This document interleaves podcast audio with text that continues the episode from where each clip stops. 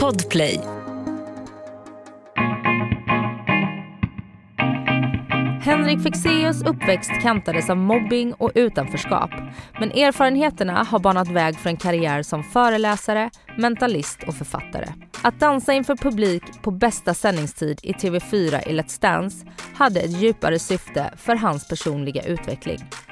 Insikten om hur han själv fungerar och varför han reagerar på ett visst sätt har hjälpt Henrik både i äktenskapet med hustrun Linda och i arbetsrelationen med väninnan Camilla Läckberg.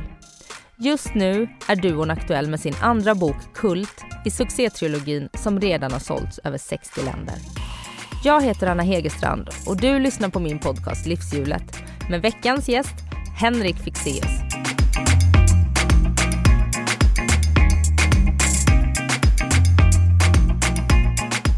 Henrik, välkommen tillbaka får jag säga. Tack Anna. Det är fem år sedan sist, Mm. och, eller sen senast. Ja just det. Ja. Alltså det är helt sjukt. Jag tänkte på det igår innan vi skulle spela in det. Bara, när var det? Jag kunde inte räkna ut det. Men ja, fem Mm. år säger du, då är det det. Och det är faktiskt ganska exakt för det var i eh, april Wow. för fem år sedan. Mm. Och då var du aktuell med din roman. Vilken 2017. Ah, shit. Var, var det, det, här, det måste varit den här Ja. ungdomstrilogin, ja. Just Mm, det. det var din Mm. första roman som du skrev Ja, just efter alla det. fackböcker. Ja, jag hade lite, jag hade lite förträngt. Gick det inget bra? Um, alltså man utvecklas ju hela tiden. Mhm. Och, och de där tre ungdomsböckerna var ett, eh, ett äventyr på många sätt som jag inte ska gå in på, som lämnade mig mycket, mycket klokare efteråt. Mhm. Eh, jag tycker att den tredje av de böckerna blev väldigt bra. Eh, och eh, ja, vi kan lämna det där. Ja, för nu är du ju inne i en ny genre och Mm. skriver. Ja, så är det. Ja, eh, för nu bara för några veckor sedan så släpptes ju din och Camilla Läckbergs eh, deckare. Mm. Eh, första heter Box, Japp. andra heter Kult. Och den tredje, jag kan till och med avslöja det, för det blir bara tre i den här serien nämligen. Så den Mm. tredje heter Mirage, kommer om Mm. ett år. Då. Hur har det varit då att ta, ta sig an den här genren? Alltså, oj. Det är, det är inte bara genren, det är också att skriva tillsammans med någon. Mm. Vad är det för påhitt att försöka göra det egentligen? Men, nej, men grejen med deckare, det här är en hemlighet. Jag hoppas... Eh, alltså jag, jag läser, jag, jag älskar genrelitteratur. Men deckare har aldrig varit någonting som jag riktigt har brytt mig om eller förstått. Eller jag, jag har liksom läst andra grejer. Och det, att eh, sätta mig in i regelverket för vad som måste finnas och inte får finnas i en deckare och så vidare. Det, det, det är saker som, om det funkar bra, som läsarna inte tänker på. Men, men det är jätteviktigt att man förstår det där. Mm. Och jag var helt grön. Min första fråga till, till Camilla när vi sa att vi kanske skulle prova och försöka skriva tillsammans var ju att okej, men måste vi ha ett mord med? Det känns så klyschigt. Och man säger okej, nu börjar vi prata lite om vad som är en deckare. Så, men det var jätte, jätteroligt och jag, det, är, det är nog det roligaste jag gjort tror jag. Det I alla fall i skrivväg, definitivt. Varför? Därför att det här, dels det, det här regelverket, att det fanns och var så tydligt vad som är en deckare, lösgjorde en massa kreativitet i mig. Och För jag du behövde kunde, liksom inte fundera. Nej, men och jag, kunde, jag kunde kombinera det med, det gifter sig väldigt väl med sånt som jag är intresserad av ändå, som, som jag håller på med som mentalist. I liksom att skapa mentala gåtor och de psykologiska aspekterna av det. Jag kunde bara ohämmat dyka ner i det på ett sätt som någon annan genre nog inte riktigt hade tillåtit mig på samma sätt. Men det här att skriva med någon då och också med en god vän. Mm, För ni är ju goda vänner i Ja. grunden. absolut. Hur, eh, hur hittar man den balansen? Vem förhåller sig till vem och vem får bestämma? Nej men det där är ju, det var ju det första vi, eh, det, det hela gick ju till så här att, som du säger, så jag och Camilla har känt varandra sedan 2017, vi, nej 2007 menar jag, vi träffades via vårt gemensamma förlag. Mm. Och, eh, och vi har alltid liksom pratat böcker och litteratur men kommit lite från olika håll då. Och så hade jag ett frö till en idé om den här mentalisten Vincent och en gåta som han ställdes inför och så började vi bolla den på Camillas sommarställe och så växte det och till slut så var det en idé som inte längre jag ägde men inte hon heller. Och vi insåg att om den här ska berättas, vilket vi vill, så kommer vi behöva göra det gemensamt. Och det var ju skitläskigt för då kom ju de här frågorna, hur gör vi det? Mm. Och hur gör vi det utan att riskera vänskapen? För den var ändå viktigare. Och varken Camilla eller jag, vi gillar ju inte att jobba med andra människor. Det är därför vi är, är våra egna. Men så vi, vi tog ett halvår faktiskt, eller i alla fall fyra månader, då vi liksom tassade väldigt, väldigt försiktigt fram. Vi berättade inte för någon att vi höll på med det här. Just för att undersöka, klarar vi av det här utan att liksom mörda varandra? Mm. Och eh, hur gör man rent praktiskt? Men jag tror att vi hade en väldigt stor fördel i att vi kände varandra så väl, för det innebar att vi har liksom ingen prestige gentemot varandra. Vi behöver liksom inte hävda oss eller visa, det är inga egon som behöver smekas oss emellan. Och det innebär att den bästa idén för boken är alltid den bästa idén för boken oavsett vem den kommer ifrån. Och det, det synsättet har vi båda och jag tror att vi båda delar en väldigt stark vision för den här berättelsen, eller det här universumet vi har byggt. Som gör att vi kan åsidosätta oss själva eh, i det arbetet. Eh, men, men sen rent praktiskt så var det också, men hur gör man, liksom, skriver varannat kapitel eller, eller vad, vad, hur gör man? Mm. Och jag tror att alla får uppfinna det där lite för sig själva. Hur gjorde ni? Ja men vi upptäckte ganska snart att vad vi behöver göra är att, så här, jag är väldigt, väldigt strukturerad. Camilla är motsatsen till mig kan man mm. säga. Så att jag började med, vi hade så här, kommit på de första 20 typ scenerna. Vi pratar inte om kapitel utan vi pratar om scener. Jag hade skrivit dem på små vita papperslappar och så hade jag lagt ut en så här trädstruktur på hennes jobb för att så här, ha någon form av visuell representation av, av eh, upplägget för den här komplexa boken. Och hon höll på att skratta ihjäl sig när hon såg det. Bara, det där, så jobbar vi inte Henrik. Um, utan vad, vad som har blivit är att vi, vi har börjat jobba ganska organiskt men strukturerat. Vi träffas ungefär en gång i veckan och så ser vi var är vi i, i plotten och storyn och vad har hänt med karaktärerna och vad behöver hända härnäst? Vad ska de göra? Vad händer med det där? Vad gör, händer med deckargåtan? Och så pratar vi en bit framåt i boken. Vi vet alltid hur det ska sluta så småningom. Men vi tar oss liksom en bit närmare målet tills vi har kanske tio nya scener. Så mm. delar vi upp dem. Du får fem och jag får fem. Så går vi på varsina håll och skriver. Och då är det jätteviktigt att vi blandar så att om jag har skrivit några mentalistscener då är det hennes tur att göra det nu. Har hon skrivit polisscener så är jag det nu. Så, i båda, så det inte blir så att jag alltid skriver vissa karaktärer till exempel och hon andra. Och så skriver vi på varsina håll och så skickar vi materialet till varandra för genomläsning. Och då är man helt fri att ändra som man själv vill i det den andra skrev. Oj! Ja. Och sen sätts det liksom ihop i vårt masterdokument. Och så läser vi, okej okay, vad är, jaha, det här hände istället. Det var ju spännande. Okej, vad behöver hända nu då? Och så börjar vi om den processen. Och till slut så är vi liksom i mål. Och då har vi en bok som sitter ihop men som är extremt spretig. Och då gör hon och jag varsin liksom hel genomläsning och genomskrivning. Där vi är inne liksom och petar i allt vi tycker behöver petas i eh, i boken. Och efter vi har gjort det båda två, då har den fått en ganska gemensam röst. Och alla alla märkligheter som har blivit därför att vi har skrivit på varsin håll, de, de är då borta. Liksom. Hur har ni kommit fram till att det här är sättet ni ska jobba på? Är det förlaget som har introducerat, så här brukar man göra när man skriver bok? Nej, nej verkligen eller? inte. Nej, utan det här, det här växte fram under de här fyra månaderna. Så sen efter att ha gjort det efter några månader, det, det tar ganska mycket tid. Mm. Men vi spar också tid för det betyder att det, det är aldrig så att båda sitter fast utan en av oss kan ju fastna kanske. Och då, men då finns det alltid en annan som kan säga, men du, vad sägs om det här stället då? Mm. Ja, just det. Och så lossnar det. Så att det, det har ju, det är knöligare kanske, men, men det är liksom, arbetet fortgår å andra sidan hela tiden. Mm. Uh, så efter de här fyra månaderna, då hade vi typ 100 sidor kanske. Och då talade vi om det för vår agent, som är den som representerar oss gentemot förlagen, för vi har samma agent. Och sa, jo, vi håller på med ett projekt här. Uh, vill ni läsa? Och eh, det ville de och blev och lågor. Och vad de gjorde sen är att de hörde av sig då till förlagen i Sverige men också utlandet direkt. Så var det här är på gång, är ni intresserade?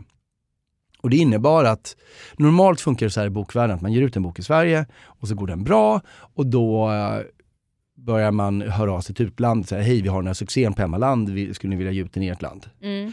Men eh, vi tog en chansning då och, och försökte liksom sälja det här helt nya projektet på bara de här hundra sidorna vi hade. Och det var ändå en hel trilogi som mm. de skulle representera. Och det gick väldigt, väldigt bra. Så ett år innan den ens var utgiven i Sverige så var den redan såld till 60 länder. Och jag har ju läst om att det var hundratals miljoner inblandade mm. här och ni har fått kommentera hur rika ni har blivit. Ja, men, ja och så är det ju. Men Grattis, det är ju inte heller så, tack. Men det är, det är inte heller så att det hamnar en eh, kaplunk, en jättestor påse pengar på mitt konto en dag. Utan vad som händer är ju att dels är vi ett antal aktörer som delar mm. på pengarna. Det är en agent och det är en PR-byrå, det är Camilla och jag och så vidare. Uh, och sen är det också att de här pengarna pytsas ju ut liksom i, i mindre betalningar under väldigt lång tid. Mm. Eh, så att det, eh, men det är klart, att det, och så, jättetrevligt. Och sen är det också att det är alltid mitt för, företag som får de här pengarna. Det är inte jag som privatperson. Nej, Eh, men, men, du äger ditt företag. men jag äger mitt företag, det gör jag Mm. absolut. Så eh, det var ju roligt. Ja, verkligen. Hur stor roll spelar det att Camilla har haft otroliga eh, succéer utomlands? Och I du för- har ju också sålt typ över en miljon böcker. Ja, ja men i försäljningen av den, av den här boken menar du? Mm. Nej men det är klart att det spelar jätte, jättestor roll. Det ska vi Mm. absolut inte sticka under stol med. Eh, det, det, hennes mångåriga karriär har ju verkligen krattat banan för den här boken. Men det innebär också att det finns en fanbase där ute som gärna kanske vill ha henne men inte nödvändigtvis att hon jobbar med någon annan. Det blir konstigt. Vi var också lite oroliga, med, ha, med de som gillar mig och det jag gör, vad tycker de om att jag skriver med Camilla? Ehm, så det, det kunde gått åt, åt andra hållet. Men med det sagt, att, att det här är absolut eh, har blivit en av delarna till att det blir stort, det är ju absolut på, på grund av Camillas stora varumärke. Så det är också så att, som jag har förstått det, så det här, eh, det här är en av de större dealarna även för hennes del. Mm. Om jag har förstått det hela rätt, det får du nästan fråga henne om. Men så det här är, det här är inte som det brukar vara. Men vad som är skönt i det är ju att om ingen hade läst någonting, om alla länderna bara åh, en ny bok med Camilla och en annan kille, ja men det köper vi. Då hade jag kanske fått ångest. Mm. Eh, hur ska vi leverera det här? Men eftersom alla nu fick läsa och kände att det här vill vi ha, så har det liksom varit en, en trygghet i det.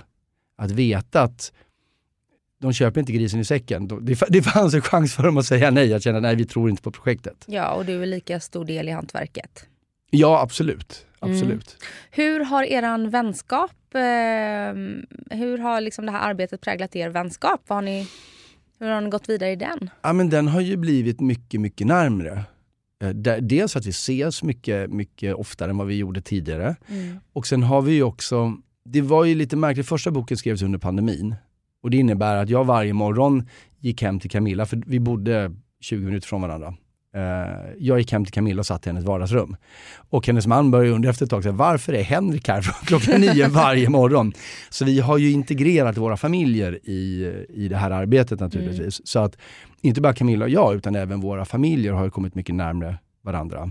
Jag har ju haft en brädspelsklubb med Simon, hennes man, Ville, hennes äldsta son och min äldsta son Sebastian. Där vi har träffats varannan vecka och suttit och spelat brädspel. Då får inte Camilla vara med. Aha, att- då är det bara killarna. Då är det bara vi. Ja, vad roligt då. Och det måste ju också ha kommit lägligt. Jag tänker pandemin eh, lär ju ha påverkat din andra verksamhet. Vi pratade här Mm. innan vi satte på mickarna om att du har fått skjuta upp eh, din turné fyra gånger. Ja, det är så att lite du har haft lite pinsamt. tid att skriva bok. Så är det ju verkligen. Jag skulle ju haft premiär mars 2020. Mm. Kanske den sämsta månaden under hela 2000-talet Ja. att ha en premiär på. Eh, och, och den har ju flyttats, flyttats, flyttats. Och jag valde också, jag har ju också föreläst väldigt mycket i 16 år, men valde när pandemin dök upp att inte kliva på det här med att prova att göra digitala föreläsningar. Utan jag tog en paus. Och sen då dök då det här bokprojektet upp. Eh, eller det var redan lite igång, ska jag säga. Vi började på det redan hösten 2019. Men, men eh, det gav sig väldigt mycket mer tid förstås att förverkliga det. Mm. Och nu så har du premiär i höst Mm. istället. Ehm, med, Hoppas vi. hoppas vi ja. Men det, men det tror jag att Ja. vi kanske kommer kunna lita på. För, för föreställningen heter ju Henrik Fexeus är att lita på. Exakt. Och den är skriven tillsammans med Morgan Alling och regisserad Mm. av Morgan Alling. För ni är Mm. också nära vänner. Ja, och jag, Morgan och jag gjorde en tidigare föreställning ihop som heter Box. Lustigt nog som Camillas min bok också Mm. heter. Ehm, och eh, jag kände inte Morgan innan det, utan han eh, blev inkallad som regissör. Men han har alltid varit en person som jag har varit väldigt, som jag har tyckt har varit väldigt, väldigt duktig. Och, och lite underskattad kanske eh, hemma i Sverige. Och det samarbetet med Box var enormt frustrerande. Och precis vad jag behövde. För jag har en tendens att eh, gå in väldigt mycket i mitt eget huvud och det blir ganska intellektualiserat. Och jag behövde någon som kunde fokusera på känslorna och, och teatern och dramat. Och det är ju liksom vad Morgan är expert på. En av han, många saker han är expert på. Men det var ju skitjobbigt för mig förstås. För att jag, tänker hela, jag tänkte ju att det var, ja, ja men då kommer han och så gör han det. Mm. Men det kräver ju att jag på något sätt är med på båten också. För jag fick ju lära mig att tänka om väldigt mycket. Det var en jättefrustrerande och jättespännande process. Ja, Utvecklande måste det ha varit. Otroligt. Och jag var helt färdig efteråt. Bara aldrig mer. Men, eh, och sen när den här showen dök upp, då var det ganska då var det ganska självklart att jag ville jobba med Morgan igen. Mm. Och precis som med Box så blev det så även den här gången att jag hade skrivit en färdig föreställning innan Morgan kopplades in och efter att han kom in så skrevs allting om. För att göra det ännu bättre. Mm. Så, att, eh, så därför så står det att vi, vi båda har skrivit den. Och sen så har ju du också, det blir väldigt mycket fokus på karriären just nu. Men Ja. eh, vi börjar där tänker jag. För under våren så har ju du bockat av kändisaktiviteten nummer ett. ja, ska vi prata om det? Det tycker Låt jag. oss. Ja, du blev inte jättelånglivad. Eh, I Nej. Let's Dance pratar vi om såklart. Ja. Men eh, jag säger ju det, jag träffar ju Tony Irving titt som tätt Mm. och jag träffar väldigt många eh, profiler som har medverkat eller medverkar i Let's Dance och jag är ju jätteavundsjuk. Ja, Jag älskar att dansa grattis. och att få vara Jag, fin i tv. ja, det, det är ju roligt att bli spraytannad gången i sitt liv. Det kan vi också prata om. Eh, Men, men eh, Varför tackar du ja? därför att jag eh, i eh, större delen av mitt liv eh, har varit livrädd för att dansa. Alltså så till den grad att du vet om jag är på en fest eller någonting och det kommer på musik och de bara “kom vi dansar”. Jag, eh, på rikt- jag överdriver inte nu, jag börjar kallsvettas och får ont i magen. Och kan sådär se ut som att jag vill slåss med någon om de kommer och vå- försöker bjuda upp mig. Är du rädd att göra bort dig? Alltså, jag har funderat jättemycket på vad det där beror på. Eh, jag kan ju bara spekulera, men när jag gick i grundskolan, så eh, mellan ettan och sexan, sjuan ungefär, så var jag, eller till och med mell- från sex års till sjuan, så var jag väldigt, väldigt mobbad. Och en av sakerna som det leder till om man är konstant utsatt för fysiskt och psykiskt våld är att man blir väldigt bra på att kontrollera sitt eget beteende så man inte gör något som sticker ut. Mm.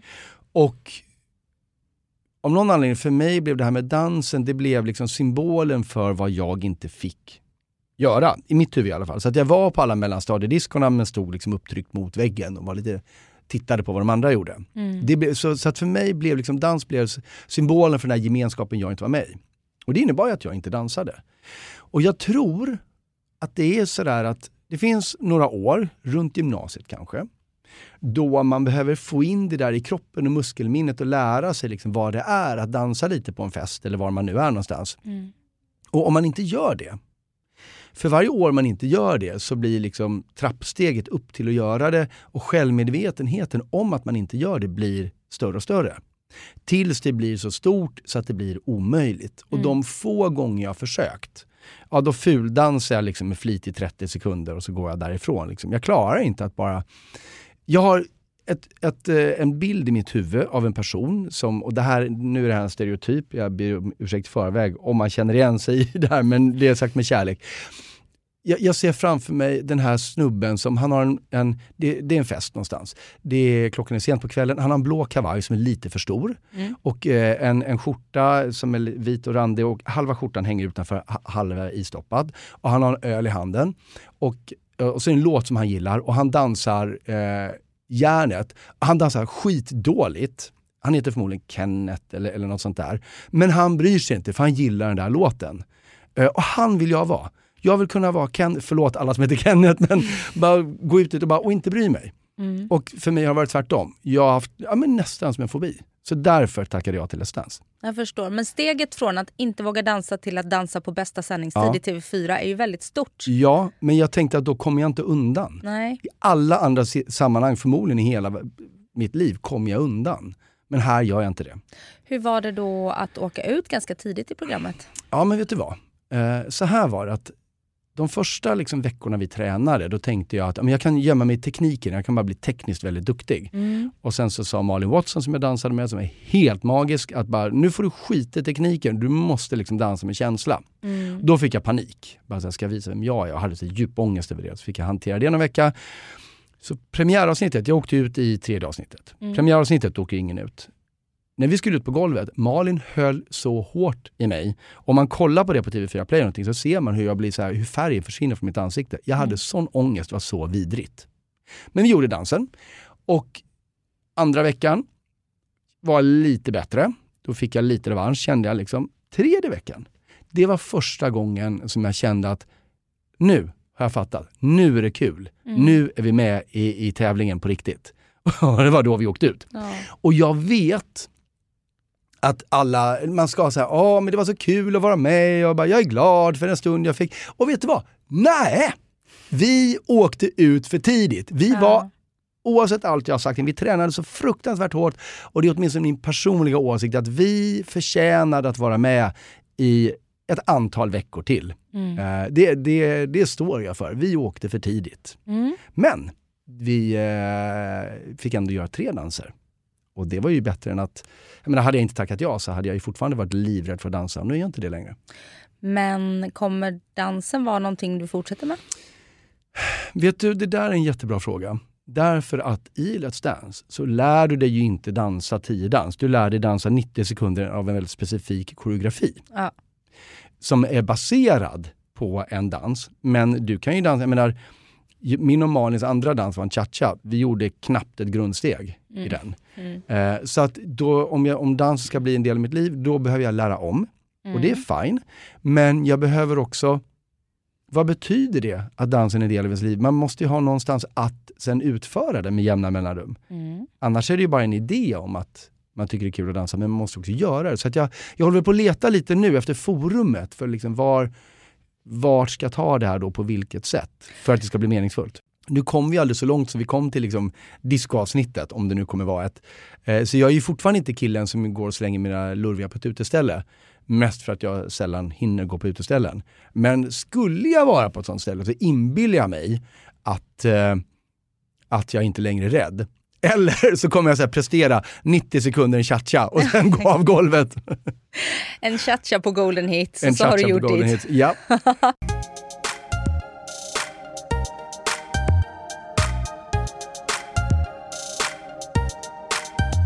du berättade ju här tidigare att du var väldigt mobbad mm. under en ganska stor del av, av din uppväxt. Mm.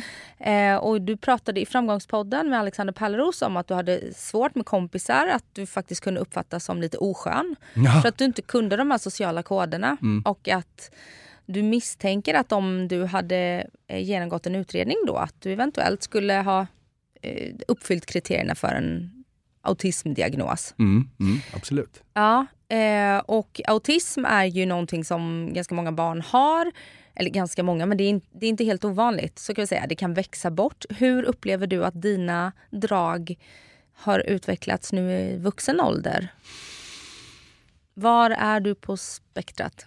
Um, jag menar, alltså, en gång i tiden så pratade man ju om Asperger. Ja, det, är ett ord som inte, det är ett ord som inte används längre. Men, men, vi är ju i den änden och det finns ju till och med något som heter UNS, det vill säga utan närmare specifikation. Ja. Uh, så, så, men uh, min, skulle du fråga min fru numera så tycker hon ju att jag har blivit värre med åren. Men, men jag undrar om det kanske bara är så att jag har blivit mer och mer medveten. Mm om mitt eget beteende. Och det var, förlåt, det var ju också någonting som var väldigt lärorikt när jag började jobba med Camilla. Därför mm. att hur, jag menar, mitt jobb går ut på att jag lär människor om mänskligt beteende. Men någonstans är det ju sant för oss alla att våra egna tankar, våra egna beteendemönster, när vi inte tänker oss för så upplever vi att, att det är så det funkar för alla, för det är så det funkar för oss. Och eftersom alla andra människor ser ut ungefär som vi gör så tänker vi att hjärnan funkar på samma sätt. Mm. På ett ungefär. Och det var sjukt intressant att få syn på när vi började jobba ihop. Hur totalt olika vi tänkte kring grejer. Mm. Saker som jag bara förutsatte att men, men här gör man väl alla på samma sätt, eller?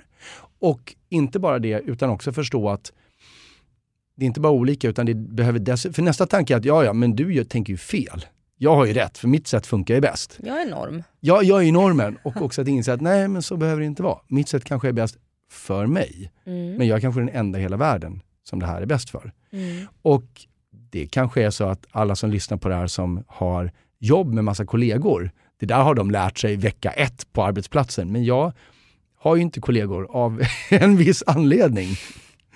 Eh, så det har varit väldigt, väldigt, eh, apropå att få syn på, på sig själv och, eh, och sina drag. Hur funkar det i din relation? För du lever ju ändå tillsammans med människor. Absolut, visst gör jag det. För jag tänker att det här med att man förutsätter att andra tänker som en själv är en ganska stor källa till konflikt Mm. i nära relationer. Mm. Och att inte ha förståelse. Ja men det är det ju. Och, och jag kan ju, i början av eh, min, min relation med, med Linda, min fru, så drev jag henne till vansinne med att jag ville hela tiden att hon skulle så här, definiera allting hon pratade om för att jag inte ville missförstå. Som det är hon- autistiskt. Ja, men, jo, men det var ju bara. Jag tyckte att det var av, Mm. av, av så här, kommunikativ omtanke. Mm. Eh, och, då sa och då säger hon så här, ja men för att X, okej men vad menar, jag har inget bra exempel, men vad, Mm. vad menar du med, med X? Menar du eh, XA eller menar du XB? För du skulle kunna veta vilk, eh, menar båda nu. Jag behöver veta Mm. vad du menar. Ja men du fattar ju vad jag menar. Nej jag gör inte det. Jag fattar inte. Jag, eh, jag kan anta, men jag kan ju också anta fel. Och det där är liksom en svår balansgång därför att väldigt många kommunikativa missförstånd går ju ut på att, eller, eller handlar ju om att mottagaren till ett budskap inte riktigt tolkar det på samma sätt som sändaren hade avsett det. Mm. Därför att vi har alla idéer om hur verkligheten funkar som vi tror är sanna. Mm. Så när du säger någonting till mig, då kommer jag tolka det omedelbart utifrån liksom de värderingar och de normer, och den uppväxt som jag bär på. Mm. Och tro att det var det du menade. Men det kanske det inte var. Och då för, det var väl det som jag försökte möta genom att säga, kan du förklara dig? Men, men man och kan då inte blev säga hon det varje lite gång. provocerad av att du så här, Ja. lite ville dissekera det hon sa. Ja, för att hon tyckte att jag borde ju bara fatta. Ja, läsa mellan raderna, lite så. Ja, och det, Mm. jag tror att de flesta människor läser mellan raderna, men jag tror också att det blir väldigt mycket felläst mellan raderna, mer Mm. än vad folk anar. Samtidigt kan man inte, alltså jag ska verkligen inte så säga att det jag gjorde var det bästa. Det där I varje givet ögonblick, bara, hur menar du nu? Men ja, för det vet jag att vi pratade om Mm. eh, senast när du gästade Livshjulet, att du hade gjort, eh, tänkt om gällande giftermål till exempel. Ja, att du var det. väldigt inne på att du inte ville gifta om dig för att Mm. du hade gått igenom en skilsmässa med barn. Mm. Eh, men att du hade landat i att eh, det skulle du visst göra och så blev det. Mm, ja, och så blev det. Och det var ju lite för alla de här sakerna som vi pratar om nu. Mm. Att vi gick ju, eh, nu ska vi se om det var 2017, jo jag kanske berättade det här redan då, men jag kan berätta det nu igen. Eh, för det handlar väldigt mycket om det vi pratar om nu. Mm. Vi var i en, i en fas i, i vår relation, jag och Linda, där jag kände att hon hade utvecklat ett, ett personlighetsdrag som jag inte stod ut med. Och jag försökte först gå till mig själv, varför, varför triggar det här mig så hårt? Mm. Och, och jag, jag förstod inte det. Eh, Jag till och med ringde min mamma och bara, Linda har börjat göra det här. Jag reagerade jättestarkt på det.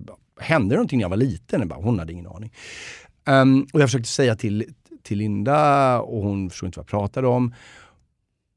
Och vad det handlade om var att jag upplevde att hon plötsligt hade tappat respekten för mig. Hon, eh, hon behandlade mig som att jag var eh, inte kunde ha- hantera min egen situation. Liksom, att hon behövde ta hand om mig och, och lösa mina... Alltså så. Mm. Och, och jag känner att jag, jag kan inte leva med en människa som inte respekterar mig som en vuxen människa. Så att det gick så långt så att jag sa till henne att älskling, vi måste, vi måste gå i terapi för att göra slut. För jag tror vi behöver göra slut, det gör vi nu man gör. För jag har bara blivit dumpad eh, i mina tidigare relationer. Jaha. Så, och så, så då träffade vi en, en eh, familjeterapeut två gånger, som efter gång två sa ja, och by the way, nu åker jag på semester i sju veckor. Hej då! Vi hade bara precis hade stuckit kniven i såret och öppnat upp. Hej då, nu får ni klara er själva. Eh, Men då var det ändå lite uppe på bordet, ämnet. Och då höll jag också på att göra research för en bok som heter Fingertoppskänsla. Just det. Ja, och kom i kontakt med, med någonting som var otroligt värdefullt för mig. Eh, och det är precis det som jag var inne på förut, att när det händer, vi tror ju att det är så att det händer någonting och så eh, reagerar vi eh, känslomässigt på det och så agerar vi utifrån den känslan. Mm. Um, det, typexemplet är liksom att chefen hälsar inte på, på mig på morgonen och jag tänker att shit hon är arg på mig. Nej vad har jag gjort? Jag kommer få sparken och så tröstar jag att det är en bytta Ben Jerrys på kvällen. Mm. Och om man reagerar negativt eller om man utför negativa känslor på grund av sin reaktion så kan det vara värt att tänka på att det är inte så det fungerar. Vad som händer är att det sker en händelse. Sen gör du en tolkning av vad den händelsen betyder. En tolkning utifrån just de värderingar och den uppväxt du bär på. Mm. Och det är den, men den sker så fort så vi tror att det är verkligheten. Och det är den tolkningen som då ger mig min känsla och min, mitt handlande.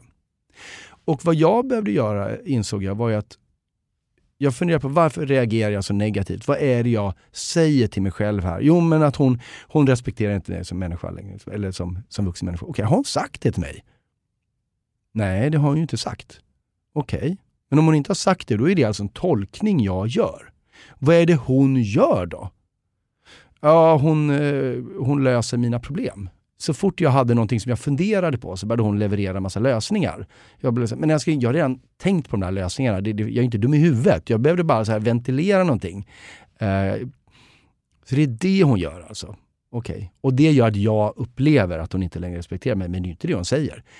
Går det, och då är tricket att tänka, kan man förklara den här handlingen på ett annat sätt? Finns det andra förklaringar till att chefen inte hälsar på mig? Mm. Ja, hon kanske inte hade glasögonen på sig, såg inte att det var jag. Mm. Eller, Eh, det kanske är bara en, en, en lite en, en kärlekshandling där man tar i lite för mycket. Man vill inte att den andra människan ska ha problem, så man försöker lösa dem åt dem. Och det fina är att man behöver liksom inte tro att någon av de andra lösningarna är mer sann än min. Det räcker med att förstå att det finns andra sätt att förklara det på. Mm. För att den där negativa känslan ska försvinna. För att jag vet ju faktiskt inte. Det var ju bara en tolkning. Och då är jag ju fri att göra en annan tolkning som var lite bättre. Så vi gick ifrån det. Eh, för att vi hade ju inte ett problem. Det var ju bara jag som hade ett problem. Så då uppsökte du en egen terapeut? Nej, nej jag behövde inte det. Därför att jag insåg att det här är bara ett hjärnspöke. Mm. Och när jag såg det för vad det var så kunde det försvinna. Men det är också en jätteklok insikt. Ja. Att komma fram till den själv. Ja, och men det var också lite skrämmande. Och det var därför vi också gifte oss sen. Liksom. För jag, eh, när, när jag insåg att vi är ju på en bra plats. Det är ju bara jag som har varit dum i huvudet. Mm. Men det kunde ju lett till att vi istället gick isär. Ja. För att jag inte såg skillnad på mina egna fantasier och, och verkligheten. Hur eh, skulle du beskriva er relation nu då? Den är jättebra. Det lilla vi hinner se av varandra. Ja. Eh, tyvärr, men, men så är det väl i ett liv i full fart. Jag har ju två barn sedan tidigare som är 21 och 19. Mm. Vuxna full, barn? Ja, vuxna. Full fart med att få ut dem i vuxenlivet och flytta hemifrån och, och eh, letar studentlägenheter till äldsta killen som ska till Uppsala, är tanken i höst. Och, eh, 19-åringen ska till USA i fyra år och plugga jazztrummor. Och bara, jaha, men studentvisum och mitt i det av en tioåring som behöver en massa stöd. Och, och, de är ju, alla de här tre, är ju, det är väldigt tydligt att de är mina barn. Eh, kan man säga. De, de är um, um, allt det här vi har pratat om, eh, så, som jag kanske hade utmaningar med när jag var liten har ja. ju de fått med sig också på, på sina sätt förstås. Ja, det är ju väldigt ärftligt. Det är ju det. Ehm, utan att nu eh, sätta dig i ett fack. Nej. Men jag lever ju själv med ADHD. Det hade ju inte jag fått på papper när vi såg senast. Nej. Och det är ju klart att eh, jag har ju personer i min Eh, i min närhet, barn i min närhet mm. som såklart ärver de utmaningarna. Mm. Så det är så här, man får ju förståelse för sina barn men det är ju två personer med utmaningar som ska hantera ja, ja, situationer. Visst. Och vi är då en familj med fyra stycken som har spännande utmaningar och i det min stackars fru som han försöker överleva. Ja men alltså vilken stjärna hon ja. måste vara. Jag hyllar min pojkvän varje dag. Ja. Ehm, och han klappar nog sig själv på axeln också. Men jag vidhåller fortfarande att eh, det är en kul familj att leva i. Det mm. händer saker. Mm. Och det verkar det ju göra hos er också. Gud ja! Hälften vore nog, men, ja. men det är roligt.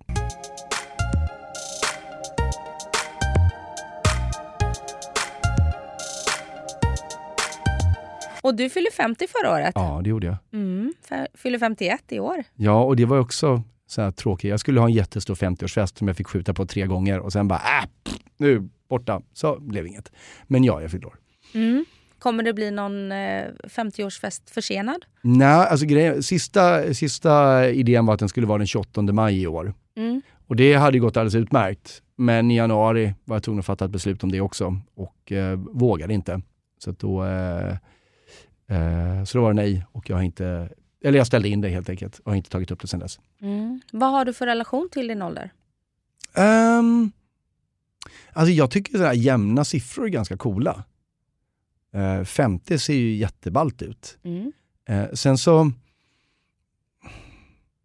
Men, men annars har jag inte jättemycket relation till min ålder. Det, det vore jättetufft att känna så här, shit jag har levt ett halvt århundrade. Ja, det har jag ju gjort rent kalendermässigt. Men jag har egentligen bara haft 30 år som vuxen. Eller 25 år som vuxen. Hjärnan är inte klar förrän man är 25. Jag har haft 25 år som vuxen. Mm. Det är Mm. inte alls lika, lika anmärkningsvärt som 50. Nej. Um, och så, jag har inte haft någon sån här kris, vad, vad jag vet. Men, men jag tror, och jag kan verkligen helt fel i det här, men jag inbillar mig att de här ålderskriserna som man pratar om ibland, Mm. Att det snarare handlar om att man kanske har hamnat på en position i livet som man känner att det är dags att förändra, men man vet inte hur. För nu har man haft samma jobb och, och samma man i si och så många år och börjar bli lite less helt enkelt. Mm. Och då har de här liksom 40, 50 blivit som någon form av fokuspunkter på liksom, där det är okej att ha lite extra ångest, ångest över att man är less.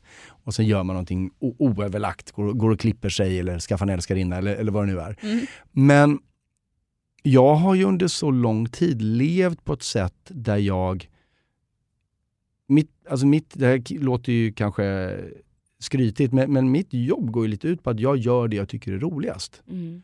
Och det innebär att jag har liksom hamnar inte i den där lunken eller tristessen så på samma sätt. Och jag, jag inbillar mig att det gör att jag inte heller får en ålderskris riktigt. Eh, och jag har inget problem med att bli gammal. Eh, det... Jag, jag tror inte... Kan ju, jag kan ju ha, vara helt ljuga för mig själv här, kanske inte har någon självinsikt överhuvudtaget. Men, men jag känner inte att jag är sådär, åh, gud jag hoppas folk fortfarande tror att jag är 35 eller Eh, jag, det är också det att jag har i hela mitt liv, fram till att jag började jobba med det jag gör nu, för då åldrades jag på en natt. Liksom. Men, men jag har haft ett väldigt, väldigt ungt utseende. Mm. Jag har alltid fått höra liksom, att, jag, att folk tror att jag är typ 10 år yngre än vad jag är. Mm. Och nu verkar det som att jag ser ut att vara typ 50. För inte, och det känns ganska skönt att äntligen så få, få vara min, min biologiska ålder. Du har vuxit i den. Jag har vuxit i min ålder, ja. Ja, men eh, ja, för jag, när vi såg sist så pratade du om att så här, det enda som kan vara jobbigt, för då var du ju 45, Mm. Är när jag är ute och föreläser för typ gymnasieklasser. Mm. Och du ska ta upp exempel, du skrev ju en bok som heter Alla får ligga. Ja.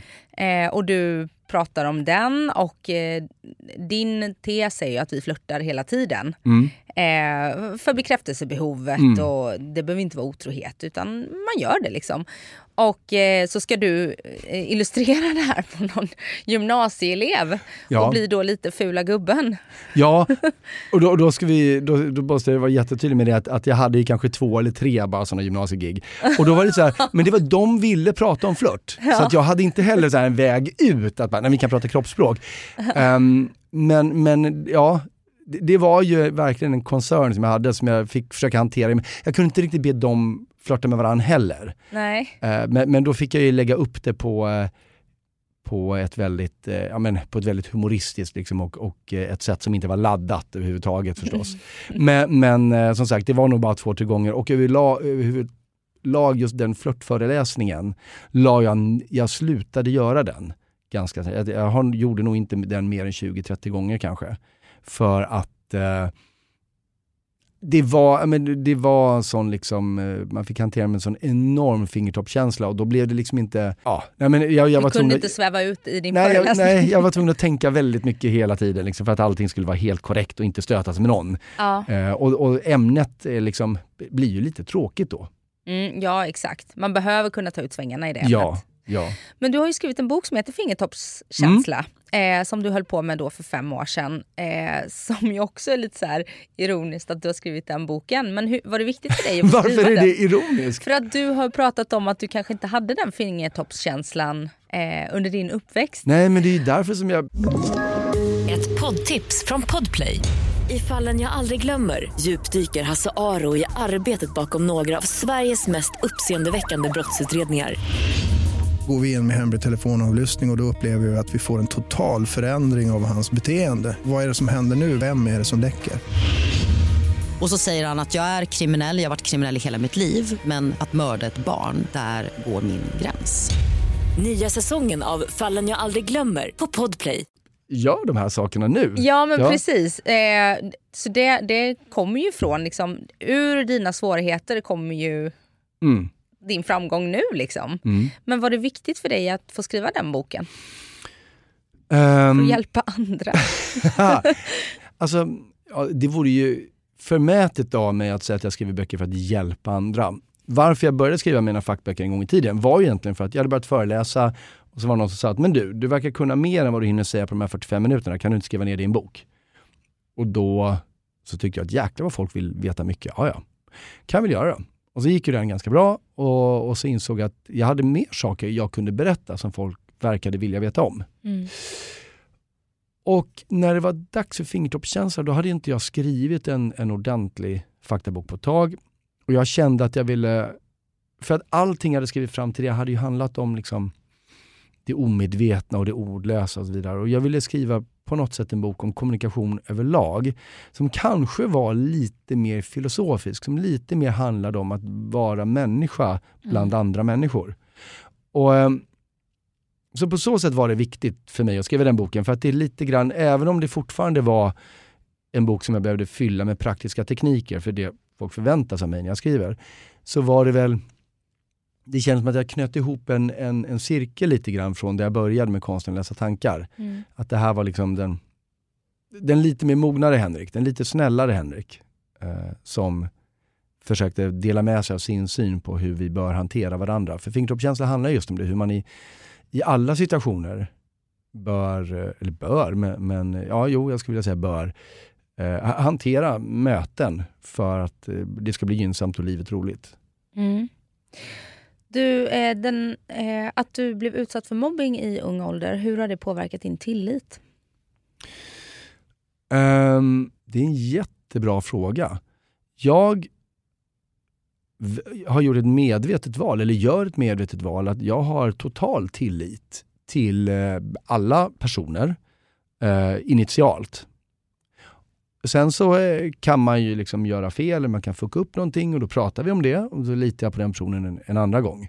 Men om det är någon som kontinuerligt eh, missbrukar min tillit, då eh, slutar jag förstås ha den, eller, eller bryter med dem till och med. Men, men jag, eh, eh jag, jag litar hellre på folk, jag förutsätter hellre att människor gör så gott de kan utifrån sina egna förutsättningar, än det motsatta.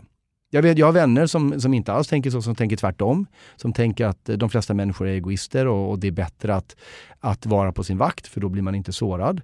Men för mig blir det så, det färgar av sig på ett så tråkigt sätt på livet i övrigt. Mm. Så att jag, jag är nog lite naivt tillitsfull med flit. Och jag tror att jag tror att jag var det redan då också det var därför jag inte förstod, eller en av anledningarna kanske till att jag inte förstod den här mobbningen eller vad de höll på med. För det var ju också mina klasskamrater. Mm. Det var ju folk som jag behövde lita på i andra sammanhang. Eh, och när den då brast så regelbundet så blir det väldigt, eh, eller blev det väldigt förvirrande för mig. Mm. Och det är ändå en styrka, tänker jag, att kunna välja tillit för jag tänker att ett så tidigt barndomstrauma ändå mm. kan sätta sig djupare så att man blir styrd i att inte våga lita. Absolut, men jag undrar om det kan, jag har nog alltid varit så.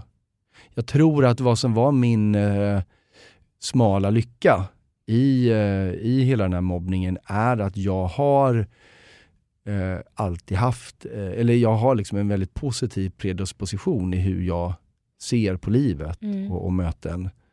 Eh, och den verkar liksom vara genetiskt betingad, så den har inte gått att tvätta bort. Eh, och det, det var nog en av de sakerna som liksom lyfte mig ur, ur det där. Mm. Vilken lycka att ha den genetiken. Ja, jo, ja. Jag ser ju på, eh, på jag men, en av mina söner till exempel har, har ju inte det. Liksom, har eh, har liksom en ganska emotionell dysfori. Så jag ser ju hur, hans syn på världen blir problematisk för honom. Mm. Eh, så jag är väldigt glad att, att inte vara där. Det måste vara väldigt jobbigt. Ja, såklart. Du, vad skulle du säga är eh, livets största utmaningar just nu? För mig personligen? Mm. Wow. Alltså, eh, vi har ju, vi som i familjen har ju enormt mycket logistiska utmaningar de närmaste veckorna med, med att eh, just som jag berättade med, med eh, att familjekonstellationen kommer helt förändras och det är Excel-ark med grejer som ska hanteras. Liksom. Så Mm. det är ju en väldigt, konkret utmaning. Ehm, på ett eh, lite mer djupare eller filosofiskt plan så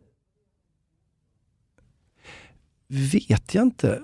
Alltså den, jag upplever kanske att den största ut, utmaning låter som att det liksom finns någon form av, inte riktigt hinder i vägen kanske, men, men förstår vad jag menar? Att det är liksom, Jag tänker vad som är ditt huvudbry. Ja.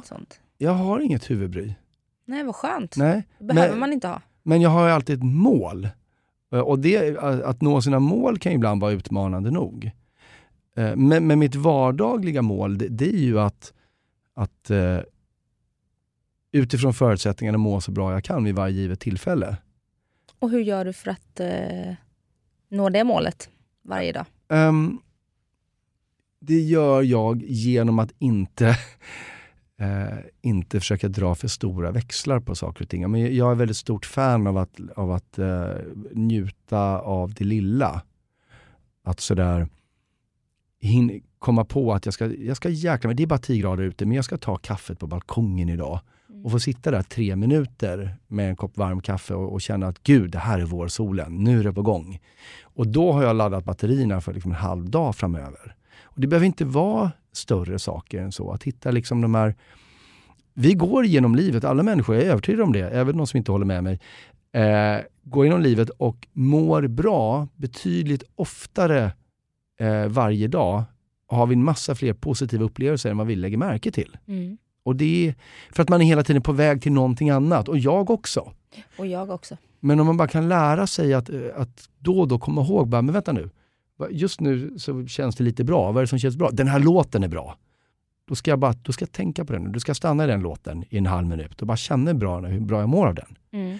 Och då, då behövs det liksom inte så stora grejer. Det, det är klart att det, är, klart att det är jätteroligt att åka på PR-turnéer över hela världen och liksom vara firad författare och så vidare. Men, men det gör inte mig lyckligare än det där kaffet på balkongen. Och, och också se till att, att, och ibland så kan jag liksom slita som ett djur, som alla föräldrar, för att ens barn ska, ska må bra. Och det kan innebära liksom on- magont och sömnlösa nätter och att man själv mår fysiskt ganska dåligt. Men resultatet var att man lyckades skapa något bra för dem. Och det är en lycka i sig som är Mm. jätteviktig att vila i. Att man, när man gör eh, bra för andra. Ja, det är faktiskt en klok sak som min mamma har sagt till mig. Att en förälder mår så som det barnet som mår sämst mår. Oj, wow! Ja. Ja. Så att lägga krut på att eh, stötta sina barn, det gör att man själv blir väldigt mycket lyckligare Ja. tror jag.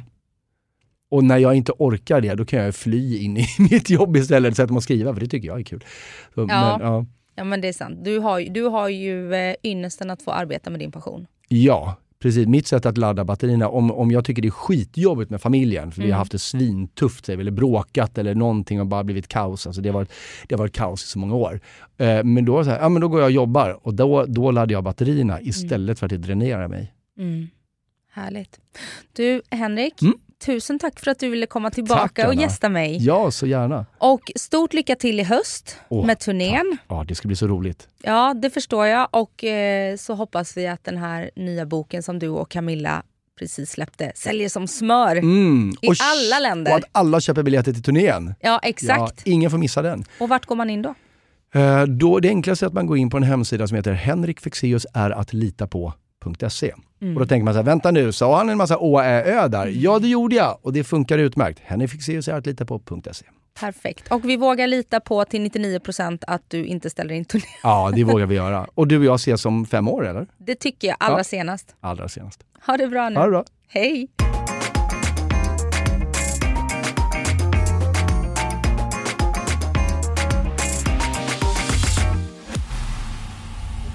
Podplay, en del av Power Media.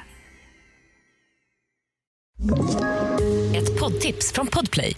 I podden Något Kaiko garanterar östgötarna Brutti och jag, Davva, dig en stor dos skratt.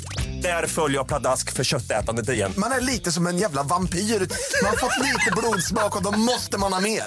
Udda spaningar, fängslande anekdoter och en och annan arg rant.